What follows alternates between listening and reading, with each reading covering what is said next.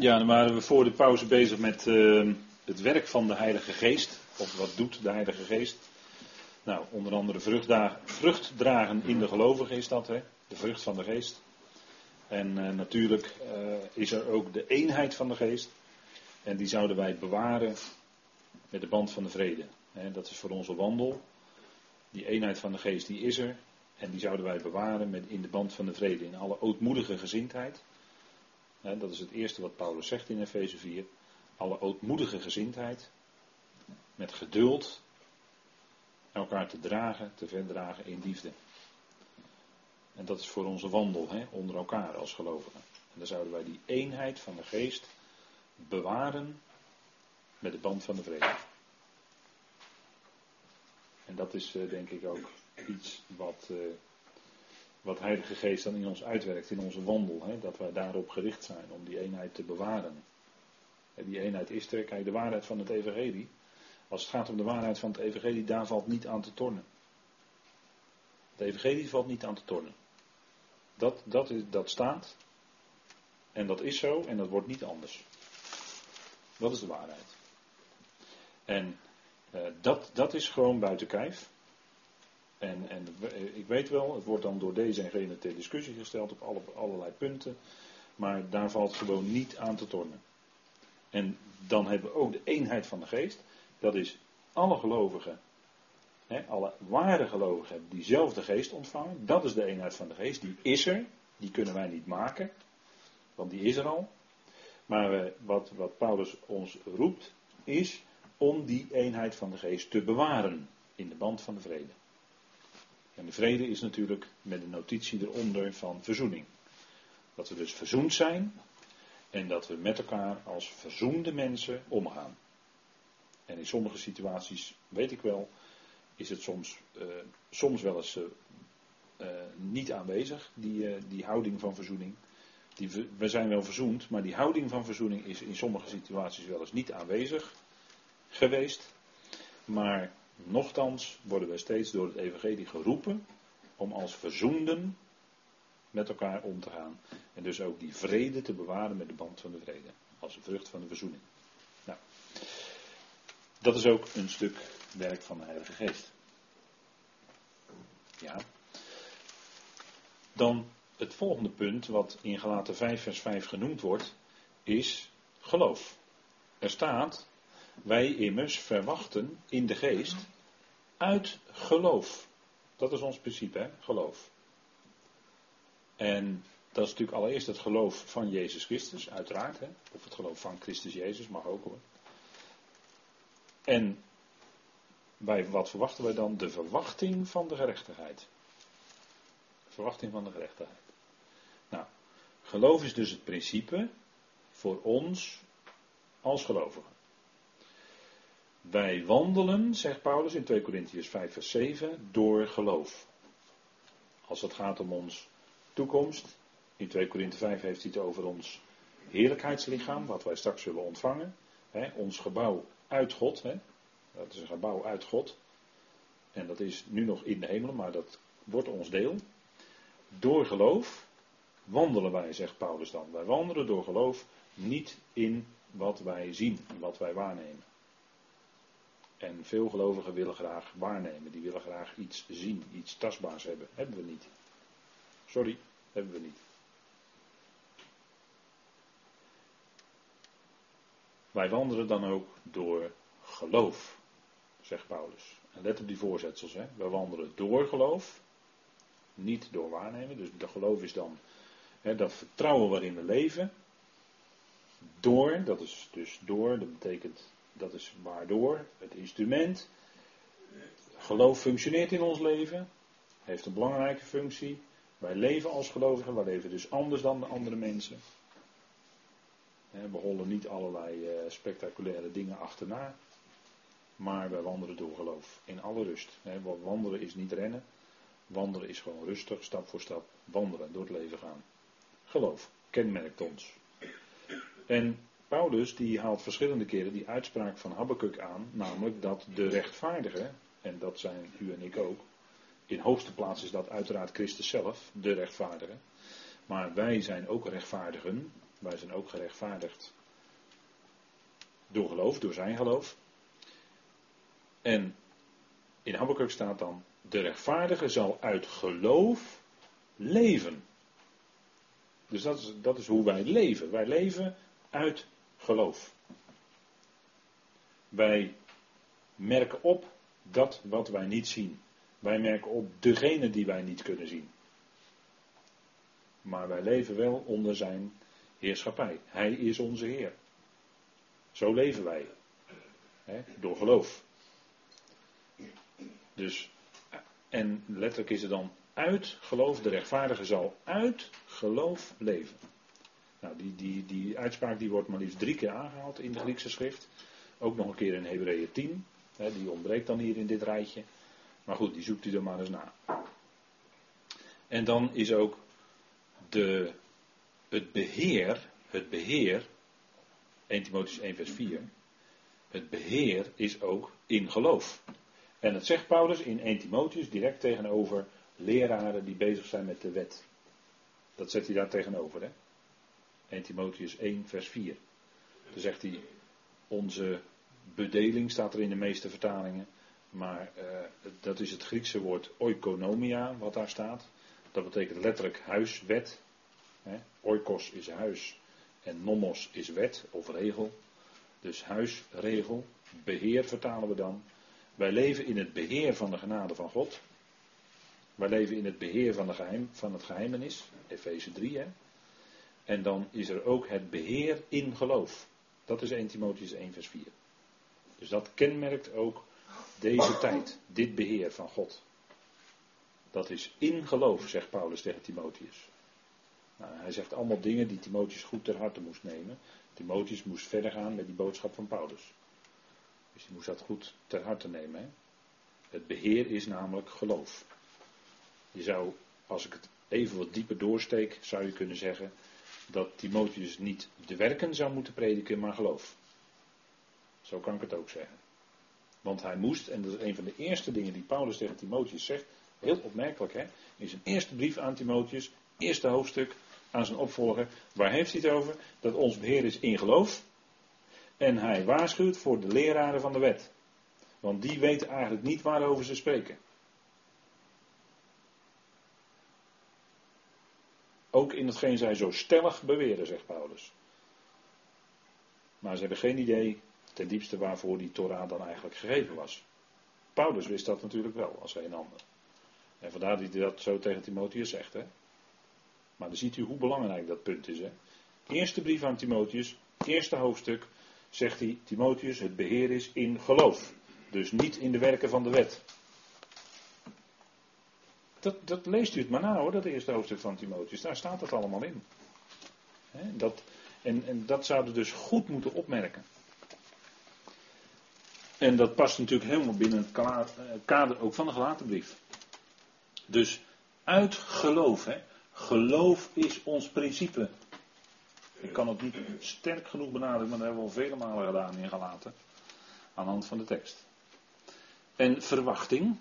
Hij spreekt ook over verwachting in 5, 5 vers 5. Hè. Wij verwachten in de geest, uit geloof, de verwachting van de gerechtigheid. Nou, dus wij leven in verwachting. Wij leven toekomstgericht. Ja, maar broeder, het gaat toch ook om hier en nu? En dan denk ik altijd aan de NCRV. Daar kan ik niks aan doen. Dat is nou eenmaal de tijd geweest die ik heb meegemaakt. Hier en nu. Daar gaat het om. We moeten, en daar zit achter, wij moeten mee in de vaart van de volkeren. Nou, ik kan u vertellen dat de vaart van de volkeren gaat richting de antichrist. Sorry. Nou, wat zeg je dat nou weer bot? Maar het is wel duidelijk.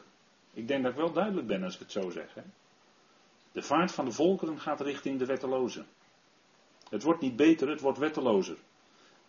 En dat hoor je veel mensen verzuchten. Ja, broeder, het is allemaal zo erg.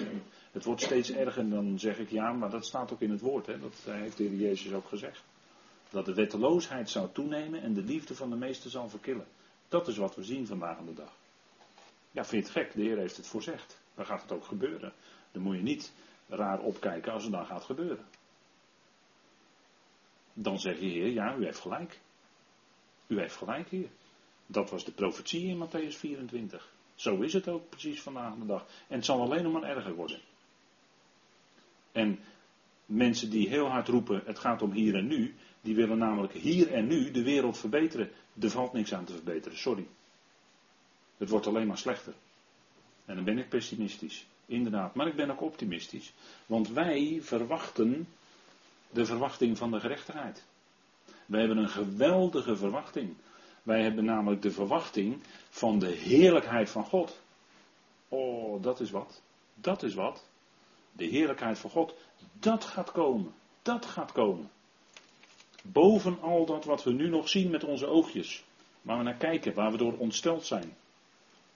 Maar ik hoop dat u ook tegelijkertijd in die verwondering bent van Paulus. Die verwondering over de heerlijkheid van God die gaat komen. Want dat is zo onvoorstelbaar groot. Daar heeft u geen idee van. Maar als ik aan heerlijkheid denk, dan denk ik aan licht. Licht. Waar nu nog zoveel duisternis is, zal dan het volle licht gaan doorbreken. Kijk, de oorspronkelijke schepping, die was uit God.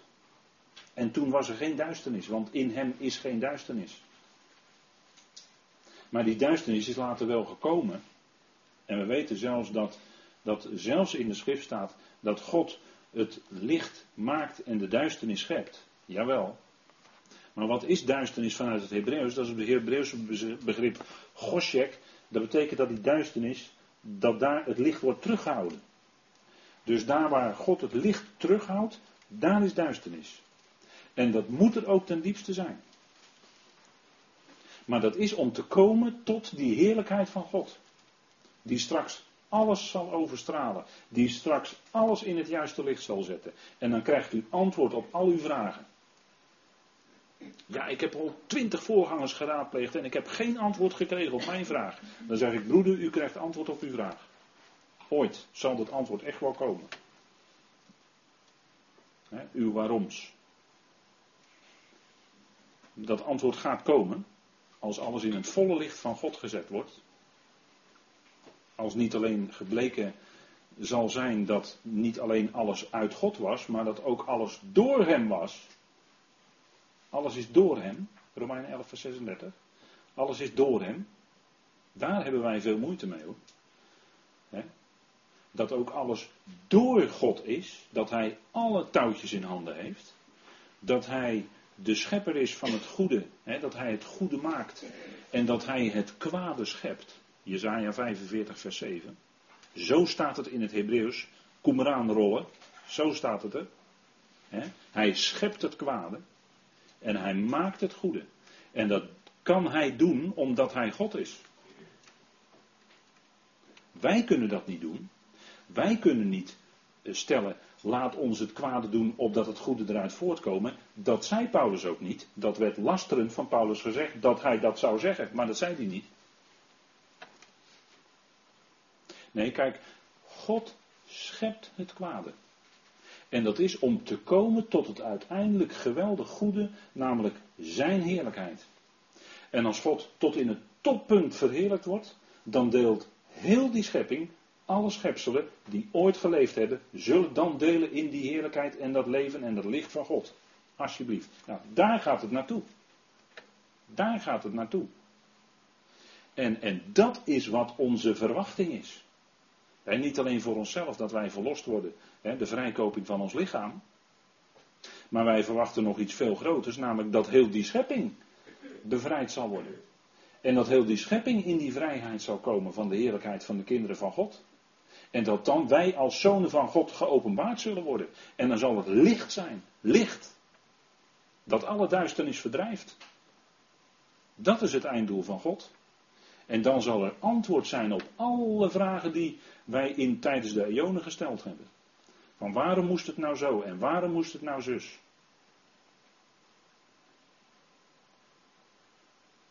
Maar daar komt antwoord op hoor. Daar komt antwoord op. En ten diepste geeft dus het evangelie wat Paulus mocht brengen, antwoord op alle levensvragen. Antwoord. Dan krijg je echt antwoord. En dat vind ik thuiskomen. Dan kom je echt thuis bij God. dan kom je ook werkelijk thuis als je bij Hem komt. Nou, dat is wat het Evangelie van Paulus brengt. Het Evangelie brengt namelijk de heerlijkheid van God naar voren op een manier die je nergens anders in de schrift terugvindt. En die heerlijkheid is zo overweldigend groot. Ja, daar hebben wij geen idee van. Maar dat is onze verwachting. En dat is wat je in dagen dat het somber is, in dagen dat het moeilijk is, in dagen waarin je hartepijn hebt, echt hartepijn over de dingen die gebeurd zijn, waarin je verdriet hebt, waarin je misschien de hele dag zo wel zou willen huilen. Kijk, in die dagen kan het zijn dat als je dat woord gaat beluisteren, dat God je hoofd weer opwaarts heft naar hem en naar hem doet kijken. En dat er dan misschien in je tranen toch een glimlach komt op je gezicht of in je hart. Omdat je iets gaat, weer gaat beseffen, weer opnieuw gaat beseffen van die geweldige heerlijkheid en die liefde van God die ja, uiteindelijk de hele schepping zal omvatten.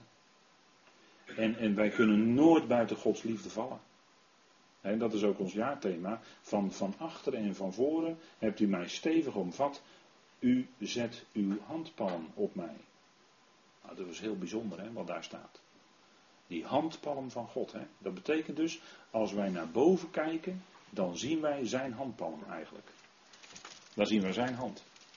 Kijk, en dat is geweldig. Dat is geweldig als je dat ziet.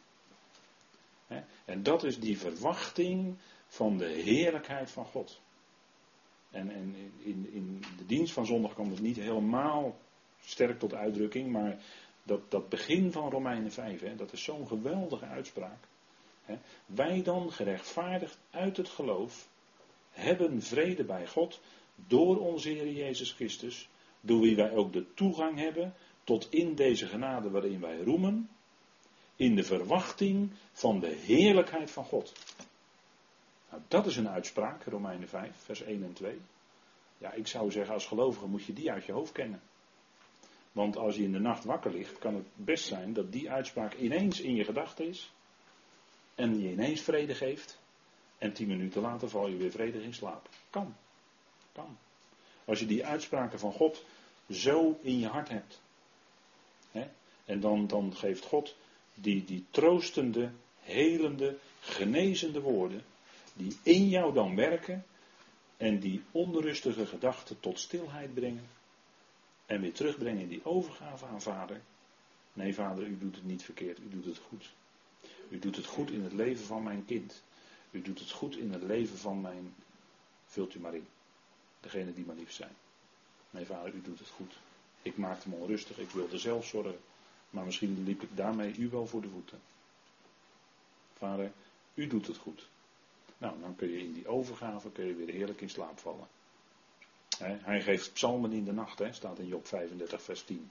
Hij geeft psalmen in de nacht. Nou, Paulus heeft ook psalmen geschreven hoor. Ons lichaam zal veranderd worden. Geweldig uitzicht, hè? Als je steeds ouder wordt, dan gaat je lichaam steeds meer kraken en piepen. En dan uh, geven ze dat uh, van die mooie benamingen, van die Griekse benamingen, polyartrose en dat soort dingen. Dat krijg je dan allemaal. Ja, ik, ik wil dat niet bagatelliseren hoor, zo, zo bedoel ik het niet. Maar dat overkomt je. Slijtage als mens. Ja, je wordt ouder. Je bent versleten. En dan komt het moment dat je bij de Heer gaat komen steeds dichterbij. Maar dan heb je pijn, dan heb je lichamelijke pijn. En dat is moeilijk. Dan kun je hele moeilijke dagen van hebben. Misschien wel veel moeilijke dagen. Want het gaat allemaal niet meer zo vlot. Je, je, bent, je wil misschien nog wel uh, alles doen en lopen alsof je 20 bent. Maar ja, je bent 80. En daar zit toch 60 jaar tussen. En dan merk je dat je oud wordt. En dan lees je prediker 12. dat die maalsters het allemaal niet zo goed meer doen. En dat je niet meer zo goed kan kijken. Dat alles grijs wordt op je hoofd. Dat soort dingen allemaal. Ja, je wordt ouder. En dan, dat is moeilijk. Maar aan de andere kant hebben we dan die geweldige hoop en verwachting en belofte. Dat ons lichaam veranderd zal worden. Bij de bazuin. Dat is dat geheimenis wat Paulus naar voren brengt in 1 Korinthe 15. Dat wij veranderd zullen worden. bij de laatste bazuinstoot. En dan zullen wij dat heerlijkheidslichaam ontvangen. Wat gelijkvormig is aan zijn, Christus, verheerlijk lichaam. En als je dat gaat bedenken, eventjes gaat bedenken, eventjes gaat bedenken, dan, ja, ja, dan, dan word je van binnen toch weer blij. Ondanks de lichamelijke pijn die je hebt. Maar dan word je van binnen blij. En daar gaat het om. Hè? Ons lichaam zal veranderd worden. Wat een geweldig uitzicht geeft het evangelie ons. Hè?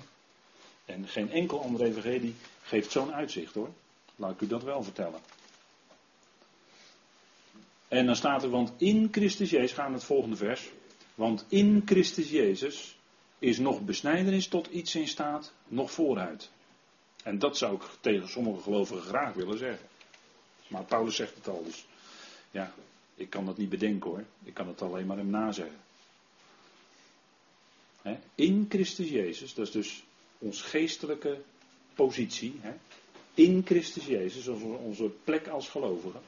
Geestelijk is nog besnijdenis tot iets in staat nog vooruit. En dat is de hoogste plaats die we kunnen bedenken voor ons als gelovigen. En dan hebben we Ionisch leven als een genadegeschenk, maar daar hebben we het vorige keer over gehad. En dat is Gods liefde in hem, want Gods liefde is in Christus Jezus en niets kan ons scheiden van zijn liefde. Niets. Als u nu ter plekke iets wil bedenken, dan valt het ook onder dat niets. dus u bedenkt iets van, ja, dat zou misschien mijn scheiding kunnen maken tussen mij en de liefde van God. Dan zeg ik, nee hoor, nee, want Paulus zegt dat niets ons kan scheiden van zijn liefde. En de basis daarvoor is natuurlijk zijn volbrachte werk aan het kruis en de opstanding. dat is onze plaats als gelovigen. Geestelijk gezien zijn wij in Christus Jezus. Dat is zoals God ons ziet, altijd. Dan zijn we onbeschuldigbaar. Dan zijn we zonder smet. Dan zijn we zonder vlek. Dan zijn we volkomen vrij van alles wat ons ook maar zou kunnen beschuldigen. Want niemand is in staat om ons te beschuldigen, want wij zijn in Christus Jezus. Nou, dat is denk ik heerlijk, hè? als je dat weet als gelovige. Dan voel je je zo, vrij als die vlinder daar op die foto. Want in Christus Jezus, zegt Paulus, is nog besnijdenis tot iets in staat nog vooruit. En als we dan de vraag erbij stellen, is besnijdenis dan tot iets in staat? Dan is het antwoord erop nee. En de vooruit, is de vooruit tot iets in staat? Antwoord is duidelijk hè. Nee, dat maakt helemaal niets meer uit. Als je een gelovige bent, ben je in Christus Jezus, ben je een nieuwe schepping. En daar speelt besnijdenis of vooruit of wat dan ook helemaal geen rol meer. Alles wat aan het vlees eventueel verschil zou kunnen zijn, is volledig weggedaan in Christus Jezus. Want dat, daar gaat het om in de geest. Dus het speelt helemaal geen rol meer, die vleeselijke verschillen. En als je dan toch laat besnijden, ja, dan ben je dat geestelijke kwijt, denk ik. in, je, in je beleving, in je ervaring als gelovige, ben je het helemaal kwijt. Ben je de weg kwijt. En goed ook.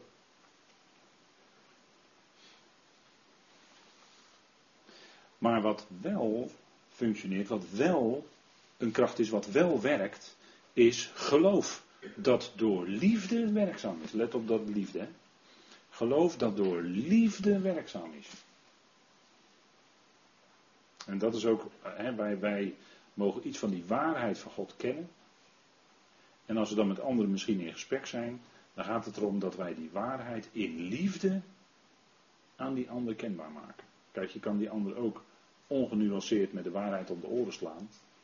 Maar dat werkt niet hoor. Dat kan ik u gelijk wel zeggen. Nee, het gaat erom dat wij die waarheid in liefde aanreiken aan de ander. dus in die bewogenheid over die ander. In het mededogen, medelijden met die ander. En dan kunnen we toch iets van die waarheid van God aanreiken. En wat die ander ermee doet, dat is niet onze zaak ten diepste, dat is Gods zaak. Maar we kunnen wel die waarheid aanreiken. En dat is toch een geweldige waarheid. Dat God liefde is en dat hij uiteindelijk met iedereen tot zijn doel komt. Dat hij iedereen op het oog heeft. Is toch een geweldige waarheid. Nou, die kun je toch in liefde aanreiken.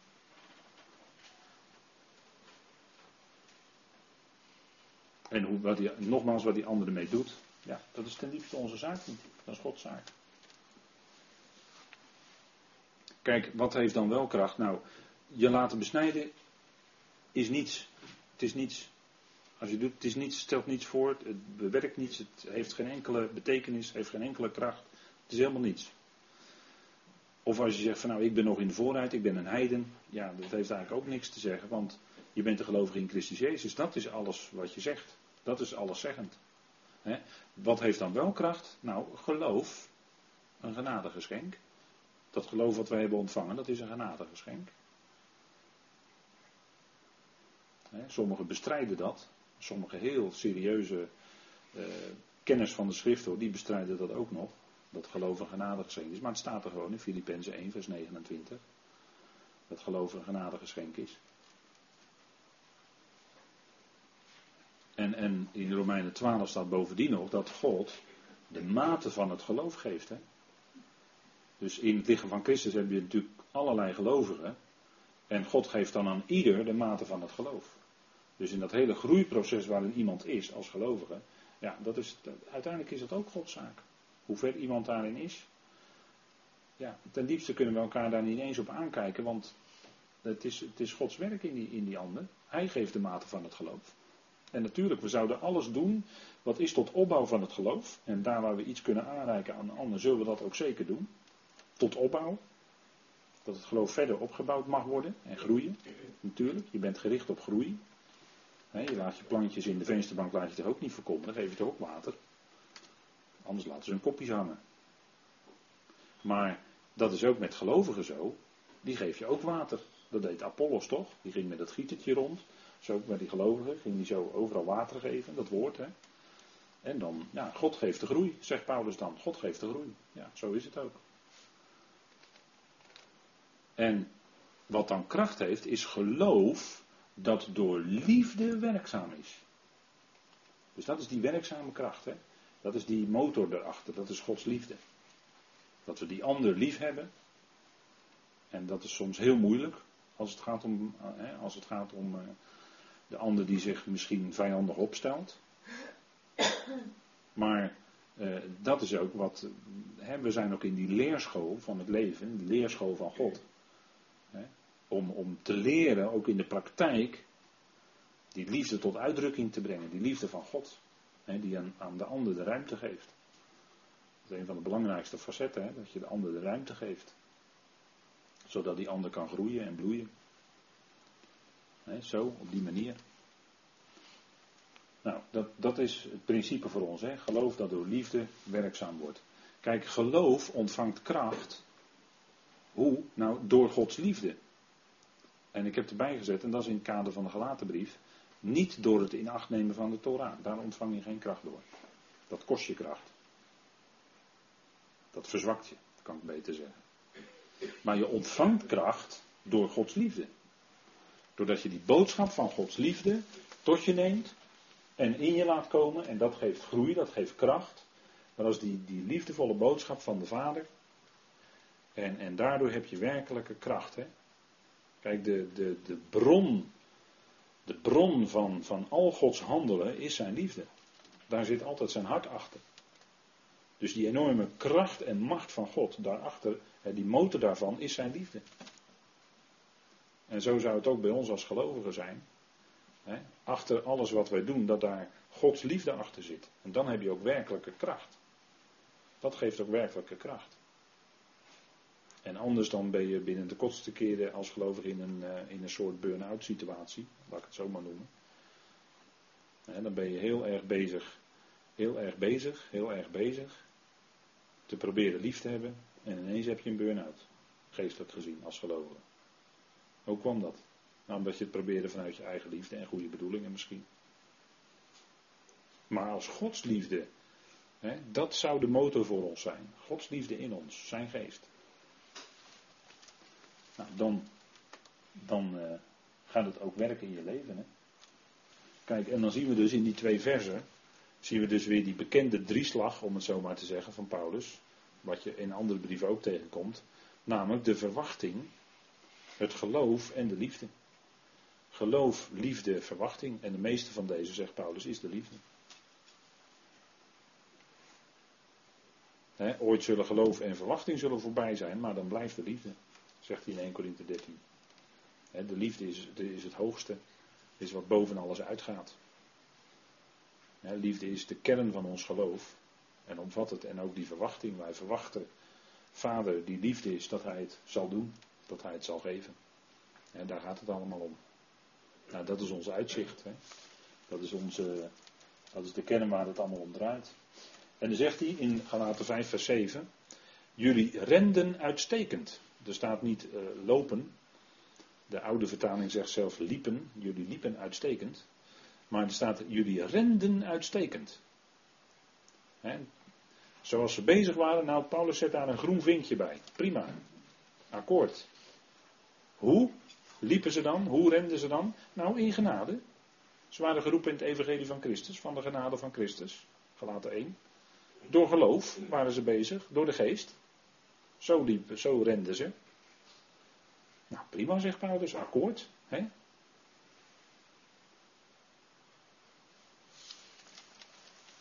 En dan komt er een maar. En dat maar, dat hebben we natuurlijk al, al, al uh, aan alle kanten besproken. Aan de hand van de gelaten brief. En dan zegt Paulus, wie hindert jullie om je niet door de waarheid te laten overtuigen? En wat bedoelt hij hier met de waarheid? Wat, wat zou hij hier nou bedoelen met de waarheid? Het geloof eh, van Christus Jezus, het evangelie van Paulus, genade, waarheid. Ja, ja, het evangelie van de genade van Christus. Hè? Ja. Dat is eigenlijk de waarheid waarin ze en waardoor ze waren geroepen. Dus die waarheid, hè, dat is natuurlijk het evangelie van de genade van Christus. En daar lieten ze zich niet meer door overtuigen. Ze waren weggevoerd, ze waren weggeleid door dwaalleraren. Met als achtergrond het judaïsme. De wet. en die, die verhindering, dat woord hinderen, dat betekent eigenlijk letterlijk inhouden. Als je, een, eh, je, je kan met een bijl kan je een tak van een boom afhouden. Dan weet u wat ik bedoel, hè? Nou, dat woord wordt gebruikt inhouden. Dus er hakte iets op ze in, er had iets op ze ingehakt als het ware, waardoor zij verhinderd werden. En waardoor ze niet langer die waar, door die waarheid nog overtuigd werden. Ze waren niet meer te overtuigen door de waarheid. Paulus liet dan eh, alle, alle kanten zien, maar ze waren niet meer te overtuigen. Zo waren er heel wat gelaten, die waren daarmee daardoor weggevoerd, afgeleid van Christus en uh, in de praktijk meenden zij dus Christus niet meer nodig te hebben, want uh, ja, er waren zelfs sommigen die zich lieten besnijden. En we hebben net al eerder in het hoofdstuk behandeld, vorige keer, dat wanneer jij je laat besnijden, dan zeg je eigenlijk in de praktijk, ik heb Christus niet nodig. Voor mijn praktische leven, dat zeg je eigenlijk. Want een daad spreekt meer dan duizend woorden hoor. En kijk, 1 Thessalonicense 2, daar heeft Paulus dat de, erover dat, dat hij door de tegenstander werd belet. Dat woord hinderen wordt dus in verband gebruikt met de grote tegenstander, de Satan. in Romeinen 15 zegt hij dat hij naar die, eh, naar die gelovigen in Rome had willen komen, maar er was diverse momenten was hij daardoor was hij verhinderd. En dat is nog neutraal, dat kan nog, uh, ja, dat de Heer hem verhinderen om daar naartoe te gaan, dat kan natuurlijk best. Maar in Thessalonicense zegt hij dat de Satan het belette, dat hij hinderde. denk er maar eens over na. Als je die, eh, die tekst op een rij eh, ziet. Goed, wij, uh, wij willen het hierbij laten voor vanavond. En um, dan gaan we de volgende keer verder met dat overtuigd zijn. Ze waren niet meer door die waarheid te overtuigen, maar ze lieten zich door anderen overtuigen. En kennelijk uh, ging het misschien wel om een heel belangrijke figuur in hun midden, want Paulus gebruikt hier het enkelvoud. Bij wie hindert jullie? Dus uh, ja, dat zou kunnen, maar het zou er ook meerdere kunnen zijn. Dat laat de tekst uh, een beetje open. Maar het lijkt net alsof er één belangrijk iemand was onder die gelaten. Dus dat zou kunnen. Maar goed, ehm, dan gaan we de volgende keer verder. En de volgende keer ook over, eh, dan gaat het ook over het zuurdezen, het zuurdeeg. Nou, daar, daar, valt heel wat over te zeggen. Dus ik denk dat we de volgende keer wel eh, flink over dat zuurdezen eh, bezig zijn. Goed, tot zover voor vanavond.